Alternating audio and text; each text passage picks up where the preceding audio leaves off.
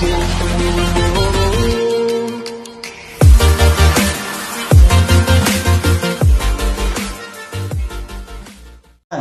sore Pak Doni. Selamat sore Mas Agung.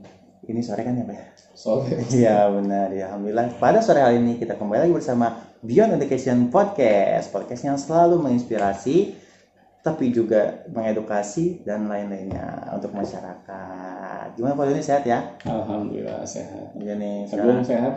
sehat nih saya juga Pak Alhamdulillah. Tapi eh, pikiran saya terganggu Pak. Waduh, kenapa nih? dengan adanya ini Ya, karena RU. baru aja mau ngomong kayak seperti saya ini terpanggil untuk demo pak Demo masak apa demo jalanan? merasa saya, saya itu nggak boleh diri saya itu harus eh, apa harus mandiri gitu harus Ya, harus nggak harus nggak manja lah gitu ini Iya. memperjuangkan hak-hak. gitu nah gitu jadi memang eh, saya di sini berpikir pak ketika ada seseorang gitu ya Mhm. seseorang atau misalnya saya sendiri atau siapa pun itu eh, dia merasa bahwa dirinya itu eh, ingin melakukan sesuatu melakukan sesuatu tapi sesuatu itu eh, dia tidak lakukan karena dia malas misalnya. Mm-mm. dan dia hanya menyuruh orang lain untuk melakukan hal itu. Contoh misalnya Mm-mm. Nah, dia pengen masak gitu kan. Hmm, atau siapa pengen demo gitu. Tapi dia malas demo kan. Dia malas demo tuh. Nah, setelah itu dia menyuruh orang lain untuk demo. Oh, nah gitu. itu sifat-sifat yang kayak gitu sebenarnya bagus kan sih pak Ya intinya yang namanya sifat manja ya iya iya pasti tidak akan pernah bagus Ya. Hmm. sifat seperti itu. Hmm. Mengapa? Karena ketika kita memiliki sifat manja, Hmm. kita membuat diri sendiri itu menjadi tidak berdaya Hmm. ya Iya. karena kita bergantung sama orang lain Hmm. Kalau nggak ada si A gua nggak bisa melakukan apa-apa nih. Ya, Ya. gitu, betul. Padahal kalau kita bergantung sama orang lain otomatis kita mematikan potensi yang ada di dalam diri kita. Hmm. di sinilah sifat yang harus bisa kita hilangkan Hmm. ya Hmm. Nah, tetapi dalam pembahasan podcast kali ini, saya ingin lebih spesifik ke arah parenting. Hmm. Mengapa uh, di dunia parenting kita harus membahas mengenai sikap manja ini? oh iya karena kan berawal dari keluarga pastinya kak Ya, Hmm. karena memang anak manja itu itu tercipta dari keluarga. Hmm. Ya, tidak mungkin anak menjadi manja kalau tidak ada sebabnya. Hmm. ya pasti akan ada sebabnya yang membuat anak seperti itu sikapnya ya. tapi orang tua kadang tidak menyadari Hmm. dengan cara dia memperlakukan anak dengan manja itu akan merusak masa depan anak tersebut Oh, tapi kan begini Pak, orang tua itu merasa sayang sama anak tuh Pak. Mm-mm. Jadi eh, yang dia lakukan kan hanya memberikan kasih sayang seperti Iya. kayak misalnya memberikan apa pun yang anak minta gitu, Mm-mm. terus memberikan apa pun yang mereka eh, inginkan gitu. Mm, Nah, mm. tiba-tiba anak kecil itu jadi berubah jadi manja. Itu gimana Pak? ya jadi di sini saya tidak menyalahkan orang tua memberikan kasih sayang ke anak Hmm. Tapi yang saya ingin ingatkan, bentuk kasih sayang itu itu tidak selalu harus memanjakan. Oh. Ya, karena memanjakan ini adalah ungkap ungkapan kasih sayang yang berlebihan. Oh, berlebihannya itu yang Ya, berlebihannya itu yang tidak dibenarkan. Ya. Karena apa? Kalau kita sayang sama anak, Hmm. seharusnya kita kan berpikir gitu untuk memberikan yang terbaik buat anak kita Iya, ya Hmm. nanti di masa depannya lebih ke arah future gitu Pak. Ya. Jangan pas hari itu dia pengen apa, benar coba oh gitu ya. karena ketika kita memanjakan seorang anak Hmm. kita tidak berpikir lagi bahwa hal ini memang dibutuhkan Hmm. oleh si anak atau hanya diinginkan oleh si anak Hmm. betul Kalau dibutuhkan itu hal yang saya setujui. Hmm. Ya, anak-anak ini perlu kasih sayang. Hmm. Harus kita sebagai orang tua memberikan kasih sayang. Hmm. Ya, tapi yang saya larang adalah berlebihannya itu. Hmm. Jadi misalnya anak berbuat kesalahan, kita tidak pernah menegurnya, nah itu kan karena Nah, sayangnya takut karena- marahin gitu ya sayangnya. tapi itu sayang yang berlebihan. ah, iya Ya. betul Terus anak misalnya menginginkan sesuatu, ya kita secepat kilat harus memenuhinya. Iya kadang anak itu nggak bisa nunggu sabar atau apa gitu. Ya, kita tidak melatih anak itu untuk sabar. Hmm. Ya. Apalagi ya, kalau yang diinginkan ini itu bukan hal yang dibutuhkan, Hmm. hanya untuk sekedar mengejar gengsi misalnya. Hmm. Contohnya, teman-teman anak kita sekarang lagi Tren. SIM pakai iPhone. Ya, padahal kita tahu harga iPhone itu mahal. Hmm. Apalagi yang seri terbaru gitu. yang bapak pengen kemarin kan Ah. Mudah-mudahan setelah podcast ini ya kan dikasih sama Allah. Gitu. amin Ya, saya juga pengen Amin. Nah, tetapi anak ketika mengajukan orang tua, ya Iya. eh, bunda, aku pengen punya iPhone. Oh. Soalnya teman-temanku semuanya punya iPhone. Ah, itu kan Ya. sering terjadi pak Ya itu sering terjadi. Hmm. Terus misalnya anak kita dibully sama teman-temannya akibat nggak punya iPhone. Ya, terus kita memenuhi karena kita nggak pengen gitu anak kita dibully oleh teman-temannya. Itu adalah cara yang salah. Ya. Ketika kita dapat keluhan nih dari anak, misalnya ayah, bunda, aku dibully nih sama teman-teman di sekolah akibat aku nggak punya iPhone, teman-temanku punya semua, aku dibilang anak miskin lah, anak yang nggak punya lah. Hmm. Kita bisa bilang ke anak kita bahwa, nah, apakah harga diri kamu itu tergantung handphone kamu. oh di, diajak berpikir gitu Diajak berpikir, ya karena yang namanya pembuli itu pasti sampai kapan pun itu ada gitu. Dari zaman saya sekolah sampai sekarang. Iya kelihatan pak Ya. Nah, jadi kita jangan sampai mengajarkan anak agar dia tidak dibully dengan cara yang tidak mendidik, Hmm. ya. Malah dengan memberikan sesuatu yang anak kita tidak butuhkan. Hanya diinginkan saja. iya Dan alasan diinginkan karena untuk memenangkan hatinya agar dia bisa menunjukkan ke teman-temannya bahwa dia memiliki handphone yang sama. Ya. Nah, padahal kita sebagai orang tua itu harus mau mengajak anak berpikir. Hmm. Ya. Kita harus besarkan hati anak kita bahwa harga diri kamu itu bukan tergantung dari merek HP kamu. Hmm. Tetapi harga diri kamu itu tergantung bagaimana kamu bersikap. Ke arah situ jadi ke arah situ. mm, jadi di antara kita antara pemenuhan keinginan anak Mm-mm. dengan eh, apa dengan tidak itu jadi kita itu jangan hanya memenuhi keinginan anak saja tapi di Iya. situ ada yang dinamakan proses berpikir yang kata bapak Proses tadi. berpikir benar. oh gitu jadi agar anak itu tidak eh, terlalu berlebihan keinginannya tuh oh seperti itu ya. Kalau itu memang tidak terlalu dibutuhkan, Mhm. kenapa harus kita penuhi? Mhm. Ya, misalnya anak kita butuh alat komunikasi, Mhm. ya misalnya handphone. Mhm. Apakah harus iPhone? Ya, apakah tidak ada merek yang lain? Mhm. ya yang memang uh, sesuai dengan anak kita yang dia butuhkan ya bukan yang dia inginkan iya nah di sini kita harus bijak dalam menyikapi hal itu Mhm. karena bukan masalah harganya juga ya yang saya Ya. maksud di sini ya. Betul. Sesuatu yang mahal kita berikan kepada anak kalau anak itu butuhkan kasih. Kalau kita bisa. Iya karena Ya, kalau kita mampu. iya. Karena itu kebutuhan. Betul. Misalnya anak butuh spek komputer laptop. Ah, atau laptop yang canggih, gitu. Mhm. harganya misalnya sampai mahal, Mhm. tapi kita mampu dan anak kita butuh.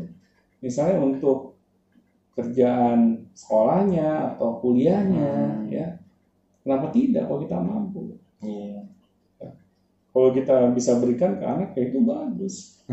Itu mempermudah anak ya untuk apa namanya eh, menggali potensinya. Hmm, ya. Nah, itu tidak apa-apa menurut saya. Betul. Nah, Hmm. tapi kalau hanya ingin apalagi alasannya itu hanya untuk Belajar. pamer Oh iya. ah, Kadang kita harus berfokus pada alasan anak juga pak ya. benar Karena kadang-kadang alasan anak itu memang hanya pengen aja tapi tapi seorang orang tua tuh nggak nggak bisa ngeliat anaknya ngerengek pak.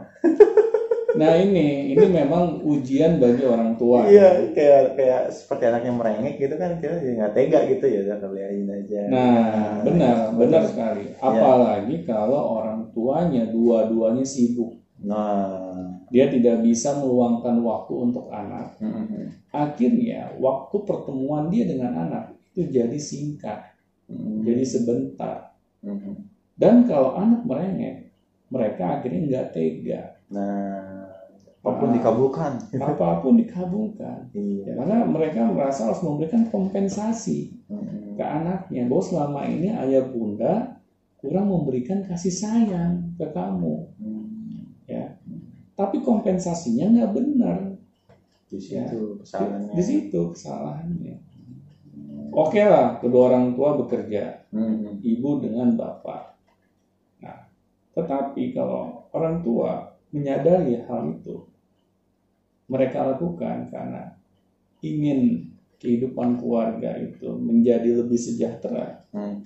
itu buat saya tidak masalah. Yang penting mereka harus tetap berkomunikasi dengan anaknya, Hmm. uh, menjaga Iya, komunikasi dengan anaknya. Sesibuk apa pun itu ya, Pak, Sesibuk ya. apa pun. Ketika di- mereka di kantor telepon anak, Hmm. ya tanya kabarnya, bagaimana aktivitas anak kita, ya.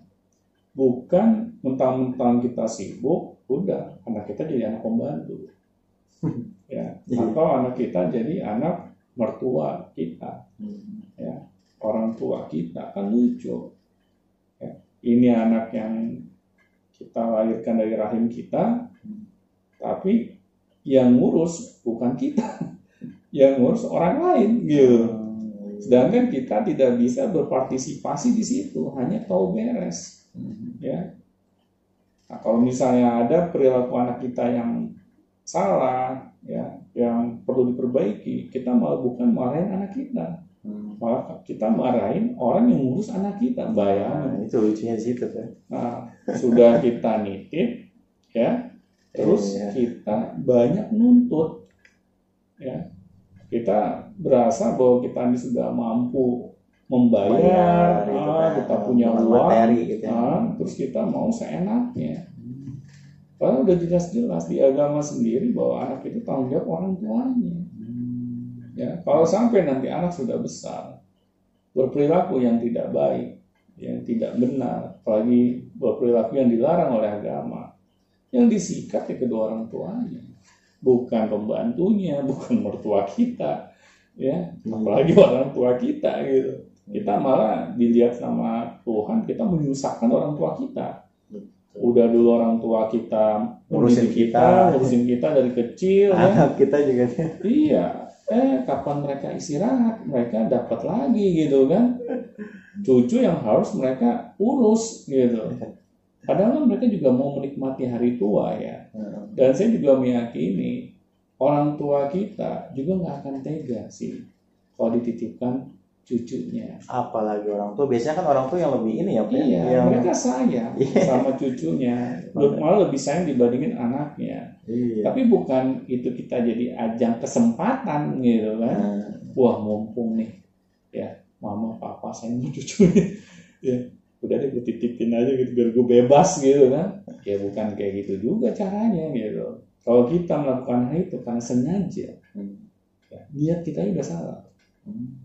Ya karena kita ingin lepas tanggung jawab iya gitu nah ini yang kalau kita sadar gitu bahwa Hmm. kita melakukan kesalahan Iya, jadi ketika anak itu apa merengek kepada kita, kita itu memang sebenarnya kurang dekat dengan mereka seperti itu Benar, ya. Oh, benar. Jadi kompensasi yang kita berikan juga membuat mereka menjadi manja jatuhnya seperti itu. Benar, oh, benar. iya iya. Karena manja ini adalah ungkapan ekspresi kasih sayang yang berlebihan. Berlebihan ya Nah. karena karena kita nggak sering ketemu sama anak. Benar, benar. Jadi kita harus mengkompensasikannya gitu iya kan. benar benar. Nah, tapi nanti hasil dari kompensasi itu Hmm. itu pasti nggak baik. Iya. Ya maupun ya yang jadinya namanya orang tua ya Mm-mm. Ya untuk menjaga hal-hal yang seperti itu kan kita harus tetap dekat dengan anak dan kita terus tetap harus mendidik mereka gitu pak ya. Benar, Oh, benar. jadi apa yang harus orang tua lakukan pak agar anak itu tidak memiliki sifat manja gitu. Ya itu tadi Hmm. orang tua ketika dia memberikan uh, perhatian Hmm. atau kasih sayang ke anak Hmm. bukan dengan cara yang berlebihan Hmm. Hmm. Ya. Itu satu ya. ya tapi mereka melakukan anak dengan wajar Sewajarnya. Ah, ah. kita menunjukkan kasih sayang yang wajar pada anak karena apa anak itu juga harus belajar bagaimana menyikapi kehidupannya Hmm. ya jadi ketika anak kita berbuat salah ya harus kita tegur Hmm. Ya.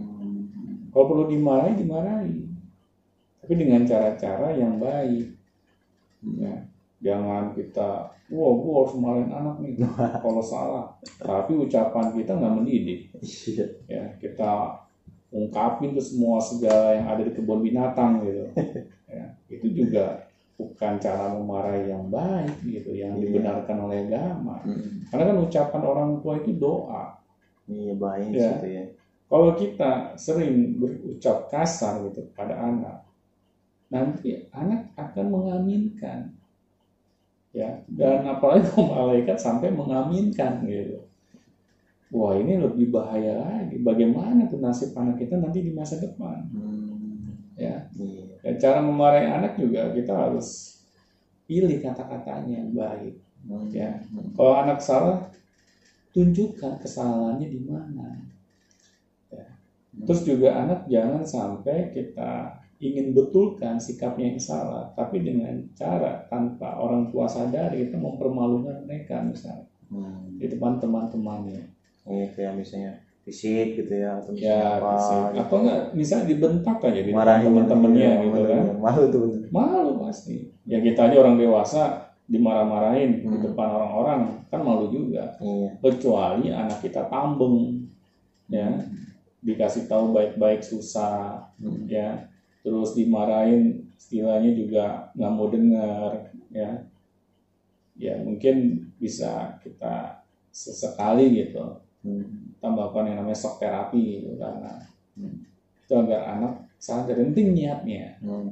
niatnya itu harus benar gitu nggak boleh kita niat kita tuh dendam misalnya kita dendam ke anak kan nih Iya. anak sekali dua kali tiga kali gue kasih tahu keempat kali awas lo gitu kan nah kita nggak boleh kayak gitu gitu Iya. iya. ya sama aja kita menganggap anak kita musuh kita ya padahal itu darah daging kita sendiri loh Iya. ya yang seharusnya ya kita perlakukan juga dengan baik meskipun dia berbuat kesalahan ya jadi ya itu kalau kita tidak mau memanjakan anak kalau kita mau apa namanya eh, memperlakukan anak kita itu dengan sewajarnya Wajar aja. Ah. gitu ya. Oh. jadi kita ekspresikan kasih sayang kita itu dengan wajar Hmm.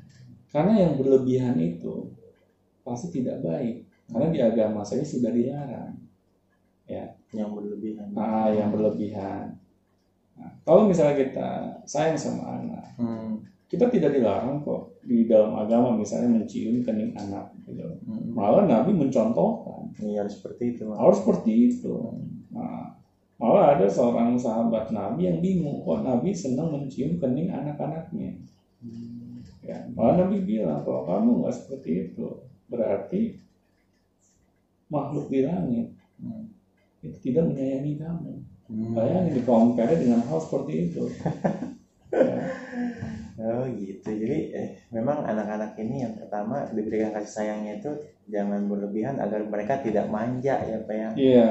Terus ketika kita ingin mengkomunikasikan marah kita apa pun itu dengan cara-cara yang terbaik gitu Iya, jangan asal benar. gitu. Oh Benar. gitu.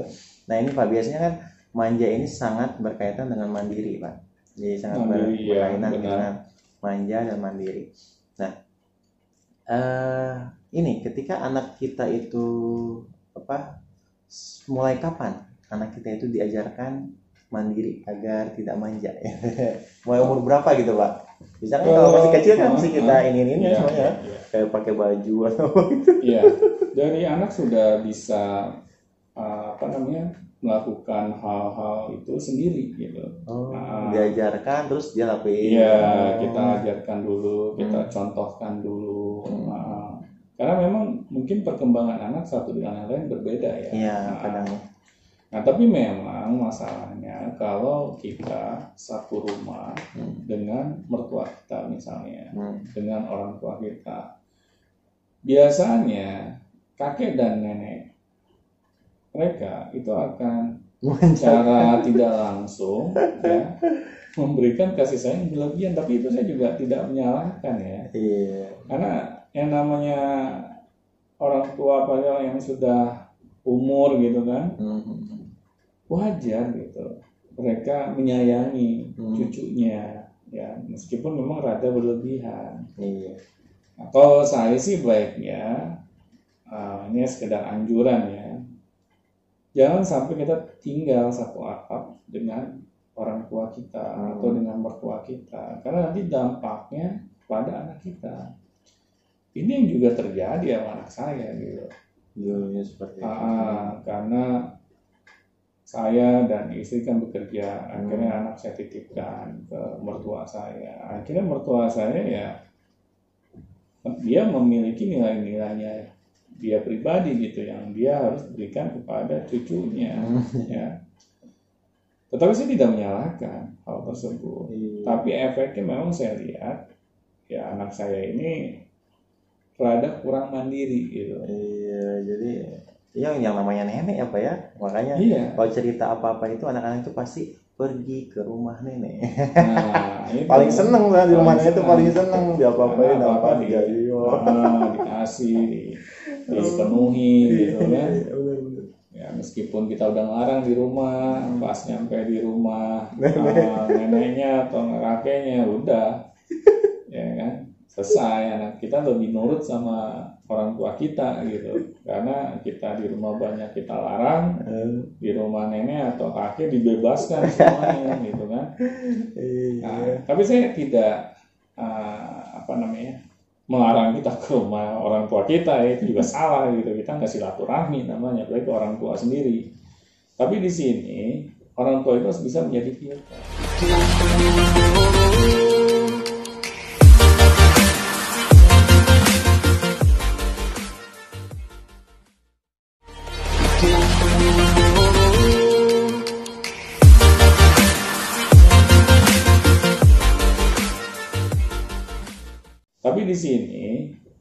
harus bisa menjadi filter Hmm. ya Hmm. kita harus dapat menginfluence anak kita Hmm. ya pengaruh kita harus lebih kuat Hmm. ya bukan kita mengajarkan anak kita supaya kurang ajar sama Malah nenek kakeknya ya tapi kita harus kasih tahu ke anak kita Hmm. bahwa kakek nenek kamu memperlakukan kamu seperti itu itu karena rasa kasih sayang mereka yang Hmm. besar ke kamu ya dan kamu harus menyikapinya juga dengan wajar Hmm. Ah. Iya kasih tahu gitu kita ya. kasih tahu Iya, iya. kita Hmm. bahwa misalnya nih neneknya mau ngiketin tali sepatunya Hmm. ya ya sudah jangan kita nyuruh anak kita bilang ke nenek nggak mau nggak mau gitu misalnya jangan kamu melukai hatinya. Ya nggak apa-apa biarkan. Tapi kalau nggak ada nenek kamu tali sepatu kamu sendiri. Ya. Nah, Iya gitu. jadi anak juga ketika diajarkan seperti itu dia lebih bijak dalam menyikapi situasi dan kondisi yang ada di sekelilingnya. Iya kalau ada nenek biarinlah sama nenek. Iya. kalau nggak ada ya udah saya sendiri gitu. iya kayak gitu kalau kita konsisten melakukan hal tersebut ya insya Allah anak kita juga akan tumbuh menjadi pribadi-pribadi yang mandiri. Ya. Nah, tapi kalau kita membiarkan semua itu Ngalir. Ah, malah kita bahagia gitu kan. Mendukung. anak kita ada yang ngurus gitu kan. Ya. Ayo nih. Lanjutkan iya lanjutkan nih ya kan. Belanda masih jauh gitu kan kita sama aja menjerumuskan anak kita sendiri oh Ya.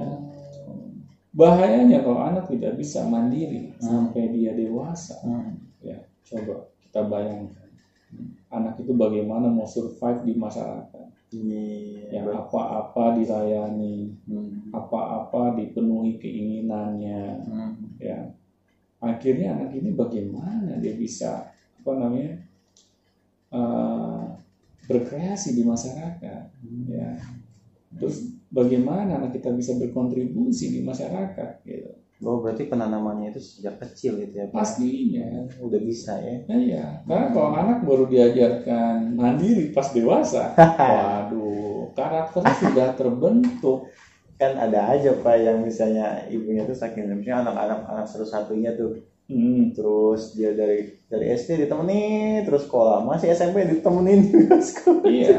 Nah itu memang jadi masalah gitu. Kalau misalnya cara-cara seperti itu kita lanjutkan. Iya. Nah, saya juga menyadari hal itu. Ya bisa dengan pasangan saya gitu kan. Tapi saya yang sadar harus bisa menjadi filter bagi anak saya ya. Hmm. jangan misalnya nih istri kita belum sadar. Kita juga ikut kita nggak sadar. kita ikut-ikutan gak sadar gitu. Ya. Iya iya ya pasangan gue kayak gitu. Kenapa gue harus beda? Nah ini kita dikasih akal pikiran agak mikir. Ya untuk jadi filter sebenarnya. Iya Oh. seharusnya kita sebagai pasangan yang masih berpikir Hmm. ya kita harus mau apa namanya involve di situ gitu Hmm. ya kita harus mau berpartisipasi di situ gitu Hmm. ya jadi kita harus apa namanya eh, membuat anak kita ini ya kita sadarkan bahwa perilaku kamu itu yang seperti itu tuh kurang baik iya jangan Ah. melanjutkan gitu kan Jangan Iya. lanjutkan. ya tapi kita juga tidak harus apa namanya berperang gitu dengan pasangan kita Hmm. terus kita bilang apa namanya "Oh, cara didik kamu tuh salah Hmm. kamu nih nggak pernah belajar parenting ya kan Iya, kadang itu yang kadang-kadang terjadi sih itu pak, Iya. saling silang gitu kan. iya Kata ibunya juga- gini, papanya gini. iya Oh. ya kita juga kasih tahu istri kita atau enggak pasangan kita baik-baik Hmm. Nah, karena mungkin pasangan kita itu diajarkan oleh orang tuanya misalnya Seperti itu. seperti itu dimanjakan Hmm. ya nah, kalau kita sudah memilih pasangan kita yang lahir dari keluarga yang seperti itu Hmm. ya sudah kita harus mau apa namanya mendidik pasangan kita Hmm. tapi juga mendidiknya secara baik Nah, kita juga nggak boleh marah-marah ya kamu nih rusak masa depan anak saya. Waduh. Ya jangan kayak gitu juga gitu kan. Ya kita harus edukasi istri kita baik-baik pasangan kita baik-baik.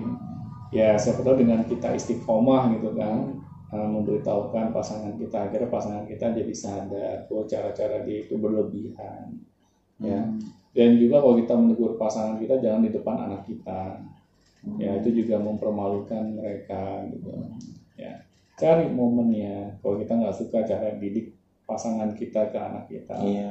Ya. Hmm. karena semuanya harus dikomunikasikan gitu Hmm. karena nanti anak jadi bingung gitu Hmm. ayah Bilangnya ini, melarang ibu, ibu boleh ya. jadi gua harus harus bagaimana gitu ya ini Iya. kita menciptakan anak-anak yang galau gitu Iya, kadang-kadang gitu kan, kadang-kadang bisa kalau minta sama ayahnya nih dilarang sama ibu, sama ibu. Iya. Jadi pintar kan. benar. Nah ini kita harus mengadakan kesepakatan sama pasangan kita. Untuk mendidik agar tidak Ah, manja itu ya Pak. iya benar. Kita harus kasih tahu kamu dengan memanjakan anak. Hmm. hasil akhirnya kamu tuh menjerumuskan anak. Kamu buat anak kita tuh menjadi hopeless tidak berdaya. Hmm. padahal kalau kamu ingin anak kita sukses ya anak kita itu harus mandiri harus bisa berdiri di kakinya dia sendiri. Dia harus dapat menyelesaikan masalahnya sendiri. Nah, Ya. itu ya itu harus kita tanamkan ke pasangan kita Hmm. gitu. Biar anak kita juga nggak bingung gitu. Hmm. jadi kita memberikan kasih sayang itu bukan harus selalu berlebihan. Nah, nah, seperti itu. Tapi begini Pak, misalnya kan ada anak-anak nih, misalnya anak-anak itu memang eh, dia dulunya gini kan ya, eh, seseorang yang manja itu biasanya, biasanya dulunya itu memang dia itu memang sudah eh, apa ber- berkecukupan gitu kan, oh ada dari keluarga yang berkecukupan. Iya dari keluarga yang berkecukupan. Kan biasanya nih biasanya bukan eh, seluruhnya keluarga berkecukupan seperti itu ya. Tapi biasanya Hmm. keluarga berkecukupan itu berpikir bahwa anaknya itu tidak boleh kekurangan apa pun. Oke. Mm-mm. apa pun misalnya apa pun yang dibutuhkan harus ada. Apa pun yang dibutuhkan harus kita penuhi apa pun yang harus ini nah mindset mindset seperti itu sebenarnya baik nggak sih pak untuk yang keluarga yang berkecukupan gitu eh, ketika memiliki anak tuh ya ini problem yang terjadi di keluarga yang berkecukupan hmm. karena dia merasa memiliki uang Hmm. memiliki segala-galanya mereka pikir itu dapat ya membuat anaknya itu menjadi lebih baik nah itu iya betul Ya. Hmm. Karena kalau kita memberikan segala keinginan anak, ya kita penuhi. Misalnya anak dari lahirnya aja dia selalu memiliki barang-barang yang branded misalnya. itu kan karena kan keluarganya berkecukupan Ya, dia selalu dikelilingi oleh pasukan babysitter misalnya. iya Ah, Hmm. terus sampai dia remaja, dewasa, kita melakukan seperti itu. Tapi orang tua sadar nggak sih, kita nggak selamanya dapat menemani anak kita. Hmm. Ya. Kalau misalnya kita sudah tidak ada lagi di dunia ini, ya, apakah anak kita bisa survive di dalam kehidupannya? oh ini dengan cara seperti itu Ah, kita sama saja mematikan impian anak kita. Ya. Karena semuanya sudah kita penuhi. Ya. Memang ini masalah yang terjadi di keluarga yang sangat berkecukupan. iya Ya. Anak-anaknya kadang agak-agak iya benar, karena anak-anak ini tidak pernah diajarkan untuk mandiri. Ya, karena selalu dilayani. Ya, Selalu diberikan apa yang mereka mau, bukan apa yang mereka butuhkan.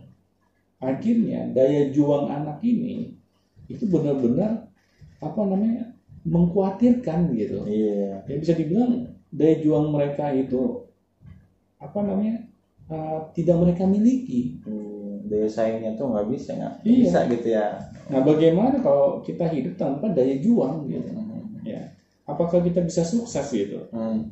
Ya, kecuali kita punya lampu Aladin gitu kan, apa yang kita mau jebret ada di depan kita gitu, ya.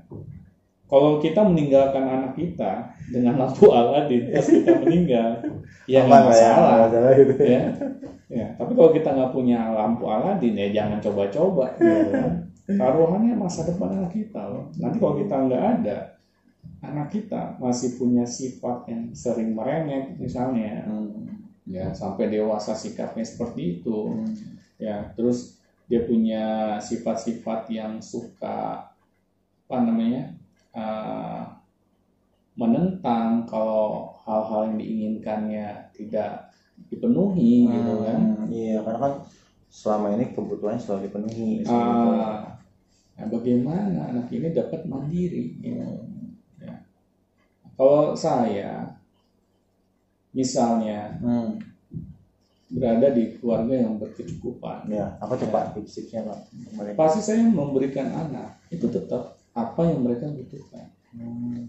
ya kita memberikan kasih sayang itu bukan dengan cara-cara yang apa namanya yang tidak mendidik gitu. Hmm. Kita memang memiliki banyak hal di dalam kehidupan kita misalnya kita berkecukupan lah ya tapi kita mendidik anak harus kita berikan apa yang mereka butuhkan saja misal mereka butuh kendaraan ya Hmm. sudah berikan kendaraan yang wajar gitu yang asal bisa jalan Ah, terus mereka butuh alat komunikasi, ya berikan alat komunikasi yang wajar. Ya tidak harus kita berikan alat komunikasi agar nanti dia di depan teman-temannya bisa dipamerkan gitu. Hmm. Ya kita jangan mendidik ke arah sana gitu. Ya, kita malah mematikan nanti daya juang anak kita. Ya Hmm. Tetap kita berikan hal-hal yang dia memang butuhkan. Iya. Ah, Dan meskipun berkecukupan, tetap kita itu cara-cara kita itu tetap seder- sederhana mungkin gitu pak ya. benar, Iya, benar. jangan terlalu oh, wah karena kita berkecukupan merek sepatunya tuh yang 7 juta Iya benar. Kita kasih anak kita yang mereka memang butuhkan. Iya. Ya kita boleh beli sepatu yang misalnya bermerek Hmm. atau mahal, tapi itu memang bukan untuk dipamerkan. Nah, Ah, iya. Memang anak kita butuh. Hmm. Kan kita juga nggak senang ya beli misalnya barang yang murah, tapi baru dipakai sebulan rusak. Ya itu juga sama aja pemborosan namanya. Ya. Tapi kita memberikan barang yang memang Kualitasnya bagus, bagus. kualitasnya Hmm. oke, memang harganya sedikit mahal, tapi memang nggak cepat rusak, ya. Itu juga hal yang diinginkan di agama gitu. Hmm. Ya. Nah, tapi ya itu jangan sampai niat kita untuk memamerkan gitu, bahwa anak kita ini anak orang kaya loh. Nah, itu Ya. yang sering terjadi. Ah, malu dong misalnya anak kita nanti disangka anak orang miskin lagi gitu orang Hmm. tuanya tega gitu kan anak-anaknya yang teman-teman yang lain punya HP bermerek masa anak kita enggak sih gitu kan Iya. nanti apa kata dunia gitu nah ini yang yang kalau niatnya seperti itu itu yang salah Hmm. Nah, terakhir Pak ini Pak. Saya gini, sebenarnya bagus nggak sih kebiasaan kita itu menantang anak?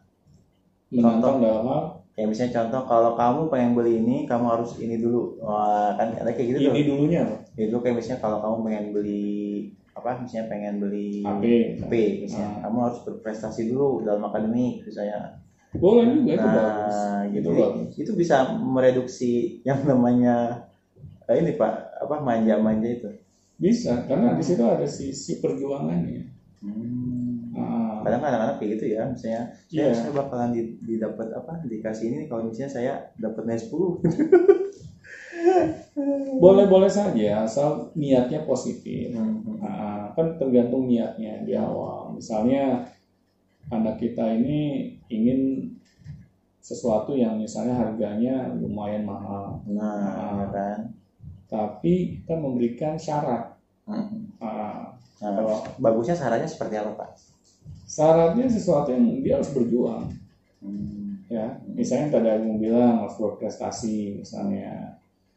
Nah, terus dia harus apa namanya ah, bersikap sopan, misalnya. Hmm. Nah, terus dia harus melakukan hal-hal yang pekerjaan rumah gitu Hmm. dia harus mau merapikan kamarnya sendiri misalnya Hmm. ya tapi itu juga jangan dijadikan suatu kebiasaan nah nah iya. kalau sometimes Hmm. nah, kadang-kadang saja Hmm. itu tidak apa-apa tapi jangan dijadikan suatu kebiasaan Hmm. Nah, jadi setiap kita minta anak kita melakukan A kita harus ada kompensasinya Hmm. kalau setiap kali kita melakukan hal itu nanti kita keteteran sendiri gitu. Iya juga Kalau ya. kita lagi punya, kalau kita lagi nggak punya gimana? Iya, apalagi kalau misalnya anaknya cuma melakukan kalau misalnya ada rewardnya aja. Nah itu yang salah. Jadi jangan dijadikan Eh, kebiasaan yang penting. Tapi kalau kadang-kadang hanya untuk having fun lah, Hmm. nah, biar anak kita tuh jadi semangat gitu misalnya, atau enggak itu bertepatan dengan dia ulang tahun misalnya, Hmm. ya. Jadi hanya untuk sesekali saja. Sekali saja ya. Nah, itu nggak apa-apa. Itu malah jadi hal yang apa yang menarik gitu. Jadi bumbu-bumbu di dalam keluarga gitu. Bahwa hubungan kita dengan anak kita itu tidak seperti atasan dan bawahan gitu ya kan Iya, iya. yang selalu dalam kondisi tegang gitu kan Hmm. Ah, tapi juga ada bumbu-bumbu istilahnya apa namanya permainan ya Hmm. hal-hal yang istilahnya menyenangkan gitu dan akhirnya juga itu dapat mempererat gitu hubungan orang tua dengan anak Oh, kayak challenge-challenge gitu. Iya, kayak- benar. Iya. Nah, nah Hmm. apakah agama itu berperan penting dalam mengurangi rasa manja atau misalnya sifat-sifat manja dalam anak? Oke, karena agama itu mengajarkan kebaikan, Hmm. ya pastinya anak kita juga tidak akan dia memiliki sifat-sifat yang negatif dengan dia mempelajari agama. Hmm. Karena kan agama ini kan hanya mengajarkan kebaikan. Hmm. Ya. Iya. Agama ini pedoman bagi manusia selama mereka masih hidup di dunia ini dan isinya semuanya positif. Ya. Kalau kita memberikan pendidikan agama ke anak, ya, tapi bukan hanya menghafal ya, Oh, Ah. di situ ya. tapi memahami esensi beragama, ya, dan mereka mempraktekkan nilai-nilai agama bukan hanya ibadah ritual saja ya, Hmm. tapi hal-hal yang lain gitu yang lebih eh, sifatnya itu ke adab gitu, eh, ke perilaku, ke sikap, bahwa itu bagus sekali. ya. Karena yang tadi Agung bilang agama itu mengajarkan manusia itu untuk mandiri malah Hmm. ya harus menjadi orang yang bermanfaat ya, bagi sesama Berarti penting juga ya. oh penting banget tapi dari kecil anak diberikan pendidikan agama itu bukan hanya sekedar formalitas Hmm. nah ini yang kacaunya di sini gitu Iya orang ah, Ada aja kan anak kecil kan udah belajar agama tapi tetap manja gitu. Nah itu, karena dia tidak diajari etika. Iya, Iya. esensi dari agama tuh ada. Ah, karena etika itu sebenarnya di dalam agama itu diajarkan. Hmm. Cuman sayangnya nggak dipraktekkan. Bagaimana bersikap, ya, bagaimana dia menjaga sopan santun, ya, bagaimana dia bertemu dengan orang yang lebih tua, ya, bagaimana dia itu harus bersabar. Ini malah yang butuh anak-anak itu pelajari dari usia anak-anak. Ya, jangan dari anak-anak malah ini momentum yang bagus untuk mengajari sikap-sikap yang terpuji, malah kita nggak ajarkan.